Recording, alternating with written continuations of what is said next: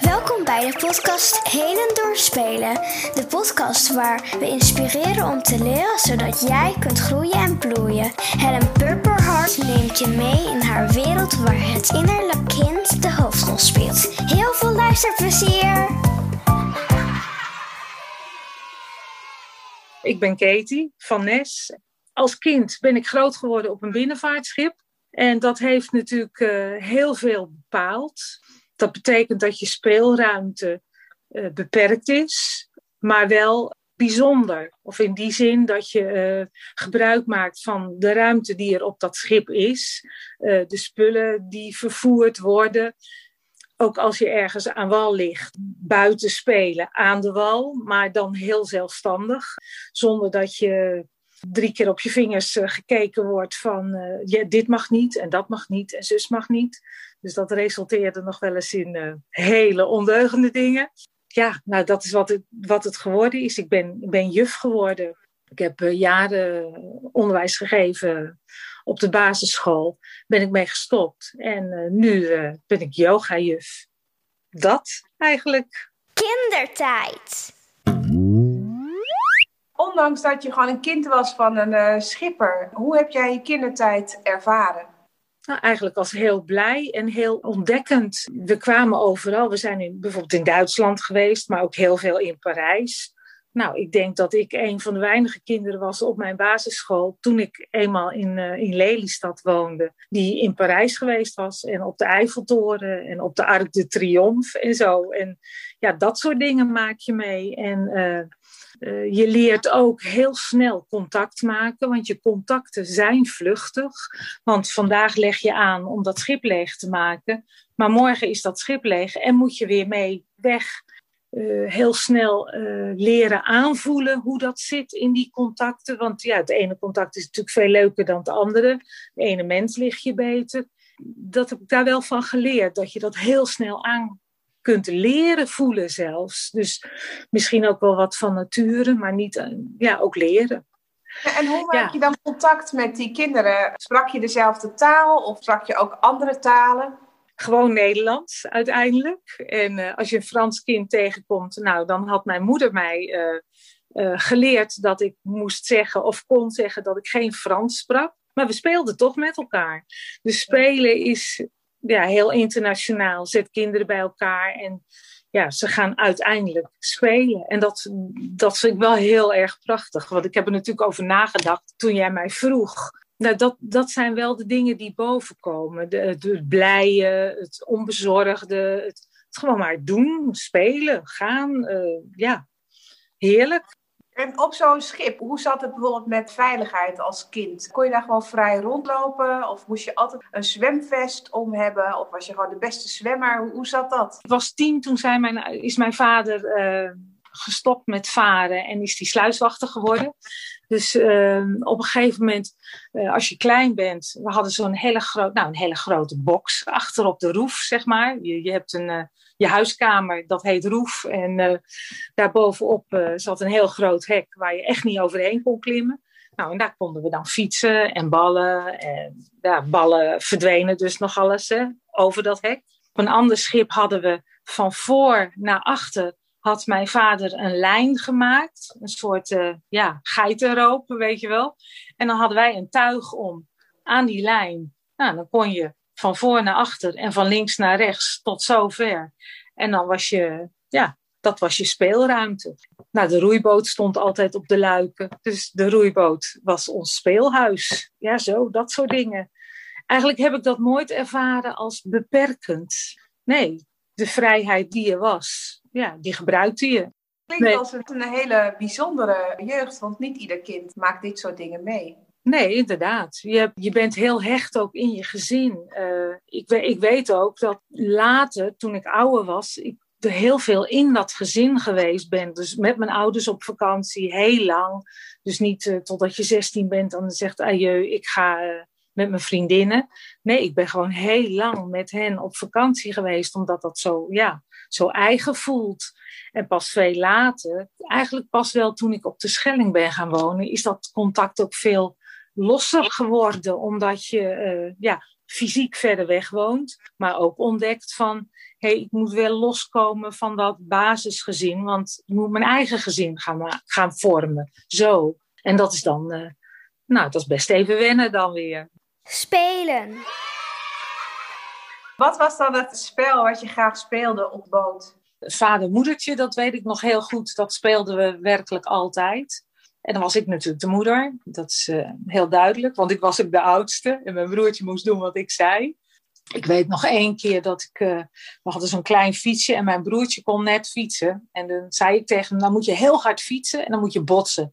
Ja, dat was bij een fabriek met allemaal papier. En papier is heel hard, hè, als je dat, en compact. Dus wij fietsten daar tegenaan. Dat deed ik hem dan voor. En hij deed dat ook. En op de, een van die keren dat hij dat deed, brak die fiets in tweeën. Dat soort dingen deden we dan. Of uh, fietsen over, als zo'n schip vast ligt, fietsen over de, de aanlegdraden.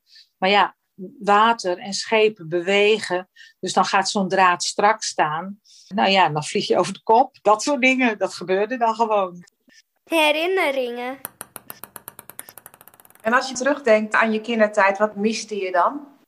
Nou, nee. Ik, wat, ik, wat ik heel fijn vond, omdat ik, ik ben natuurlijk, ik heb ook een jaar op een internaat gezeten. En dat jaar heeft heel veel impact gehad, omdat ik toen een heel lange tijd mijn ouders en mijn broertjes niet gezien heb. Dus ik had toen echt zo het gevoel van, uh, als ik maar bij dat gezin ben, dan is het prima. Dan ben ik tevreden. Vriendinnen vond ik lastig. Ja, daar was ik niet zo goed in. En wat vond je dan lastig met het contact maken met vriendinnen? Omdat je een heel andere achtergrond hebt dan uh, die meiden. Eigenlijk is het uh, kwestie van elkaar niet echt begrijpen, je belevingswereld niet kennen. Dus dan vertelde je hoe dat ging aan boord. Ja, dat was mijn uh, belevingswereld. Dat begrepen zij niet. En andersom begreep ik natuurlijk ook dingen van hun niet. Nou ja, dan dat staat echt contact maken in de weg. Ik ben wel benieuwd. Had jij als kind al bepaalde talenten waar je in uitblonk? Nou, ik was wel heel graag uh, aan het performen. Dat was iets wat, wat natuurlijk ook altijd kon. Ik was heel erg van het verkleden. Ik had uh, korte haren, maar ik wilde altijd lange haren. Dus ik maakte altijd van sluiers en, en sjaals en majo's, lange haren. En we hadden op dat ene schip hadden we twee grote kasten aan weerszijden van een trap naar de, naar de stuurhut. En er zaten hele grote spiegels in. En dan zette ik die kasten open. En dan kon ik mezelf in de ene spiegel zien en in de andere spiegel. Nou, dan ging ik zingen en dansen en nou, dat soort dingen.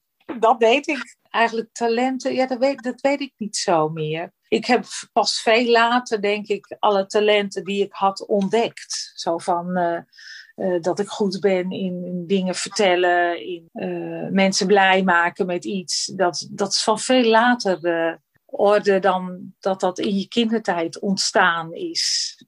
En nu ben je lerares. Ja, ik weet niet, je werkt volgens mij niet meer als leerkracht. Nee, ik werk niet, ik werk niet meer als leerkracht. Maar je hart maar, ligt wel bij kinderen, toch? Ja, ja, zeker. Want kinderen zijn heel puur. Nou ja, ik geef dan wel de kinderyogalessen en ook daarin breng je iets over. En dan probeer ik vooral de juf te zijn die het plezier overbrengt.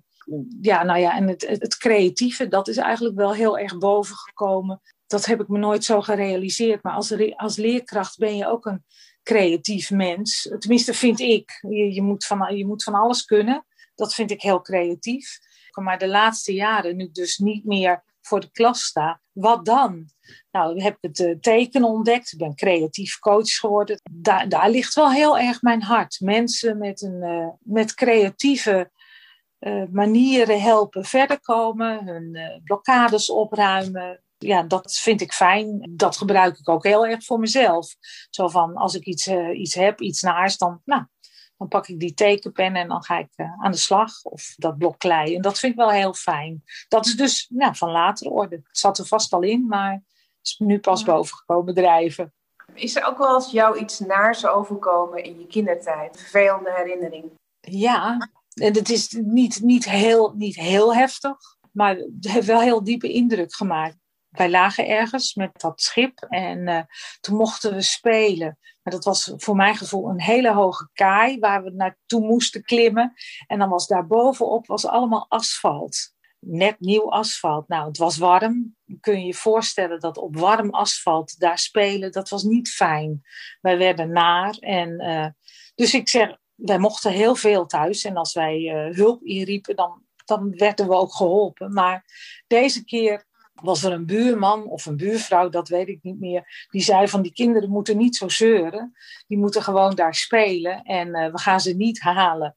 En dat, dat heeft zo'n indruk op mij gemaakt dat ik dacht van, wat nou raar dat mijn ouders, die eigenlijk altijd heel erg goed voor mij zorgen en uh, voor ons zorgden, zich zo hebben laten uh, bespelen door die buren, zodat we niet naar boord mochten of aan boord mochten. En we gewoon dus echt ziek zijn geworden van, nou ja, van de warmte en die teerlucht op de een of andere manier. Dus pas toen mijn broertje aan het overgeven ging van narigheid, toen werden we opgehaald. En dat heeft bij mij altijd zoiets uh, laten voelen van hey, geloof kinderen nou maar op dat wat ze zeggen en waarom ga je daar niet serieus mee om? Dat heeft bij mij altijd gehaakt en ik heb ook altijd geprobeerd om kinderen heel serieus daarin te nemen. Eigenlijk is dat toch wel het enige wat ik heel vervelend vond dat gevoel is dus ook een soort van drive geweest van wat je nu wil uitdragen aan kinderen. Klopt dat? Ja, ja wel. Zo van uh, het serieus nemen. Uh, niet kinderen, nou ja, ze behandelen als, als het kind wat ze zijn. Niet als onmondig iets. Serieus genomen worden. Dat vind ik heel belangrijk. En dat wil ik kinderen wel meegeven. Dat je, nou, je doet ertoe. Dus luister ik ook naar je. Missie? Zijn er nog andere dingen die je wilt uitdragen in je vak of in de wereld? Jouw missie? Kun je daar iets over zeggen? Ja, eigenlijk wel. Het, het is niet zozeer. Uh, ik wil mensen heel graag laten delen in de dingen waar ik plezier aan beleef. Ja, dat je mensen enthousiast kunt maken voor iets. Het dilemma. En stel nou voor hè, dat je vandaag zou moeten kiezen: altijd kind zijn of altijd volwassen zijn. Waar zou je nou voor gaan? oh, dat is een hele lastige. Ik vind het volwassen zijn helpt op dit moment, hè, zo oud als ik dus nu ben, heel prettig. Ik, maar ik merk steeds meer dat dat kind in me een grotere rol speelt in de dingen die ik doe. Eigenlijk alleen kind zijn, nee, dat zou ik niet meer willen. Maar zoals ik nu ben, met dat kind heel erg uh, hier zo op mijn schouder, ja, dat vind ik heel fijn. Hoe oud is dat kind wat op je schouder zit? Die is uh, negen, denk ik, ja. De toverspreuk. En stel nou voor dat je weer jezelf kon terugtoveren naar dat negenjarige meisje. Welke toverspreuk zou daar dan bij passen? Ik denk met een open blik de wereld tegemoet. Dat dat mijn uh, toverspreuk is. De speeltip. Leer een gedicht, lied of gebed in een onbekende taal uit je hoofd. Dat is een leuke. Ja, ga ik doen. Nou, ik ga je laten weten welke het wordt en wat het geworden is. Ik denk dat ik ga voor Frans. Ja, ik ga iets in het Frans doen. Hey, we zijn aan het eind gekomen van, uh, van dit gezellige gesprek. Heb jij nog iets wat je graag wil delen met de luisteraars of uh, wat ik vergeten ben te vragen? Dat wil ik eigenlijk nog wel zeggen, dat ik het zo leuk vind dat als je stopt met zoeken, dat er van die speciale dingen op je pad komen die heel verrassend zijn. Die speciale dingen, dat zijn dan, ja, voor mij voelt dat dan als spelen dan ga ik spelen. Dan ben ik niet meer aan het leren. Dan ben ik niet meer aan het. Ja, nee, dan ben ik echt aan het spelen. En dan, uh, dan gaat het gewoon. En dat vind ik uh, eigenlijk heel leuk. Jij bent ook zo'n inspirerend mens wat ik tegengekomen ben. Dus hoe leuk is dat? Waar zou jij jezelf nog een applaus voor willen geven? Dat ik, ondanks dat ik drempels voel, op een gegeven moment toch dingen ga doen die spannend zijn. Nou, dat het uh, dan toch eigenlijk altijd weer een plezier wordt om dat gedaan te hebben. En dan ben ik wel benieuwd, wat is het laatste dan wat je hebt gedaan? Op de zangles het lied zingen van Wende Snijders. Uh, Mens durft te leven.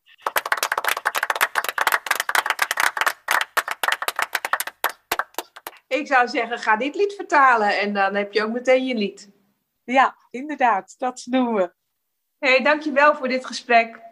Jij ook, dankjewel. Doeg! Superleuk dat je hebt geluisterd naar de podcast. Hopelijk heb je nieuwe inzichten gekregen. Wil je nog meer inspiratie? Ga dan naar helendoorspelen.nl. Ben je enthousiast geworden over deze podcast? Het is tof als je de link van deze podcast doorstuurt. Delen op je social media en je review achterlaten kan natuurlijk ook. Tot de volgende aflevering.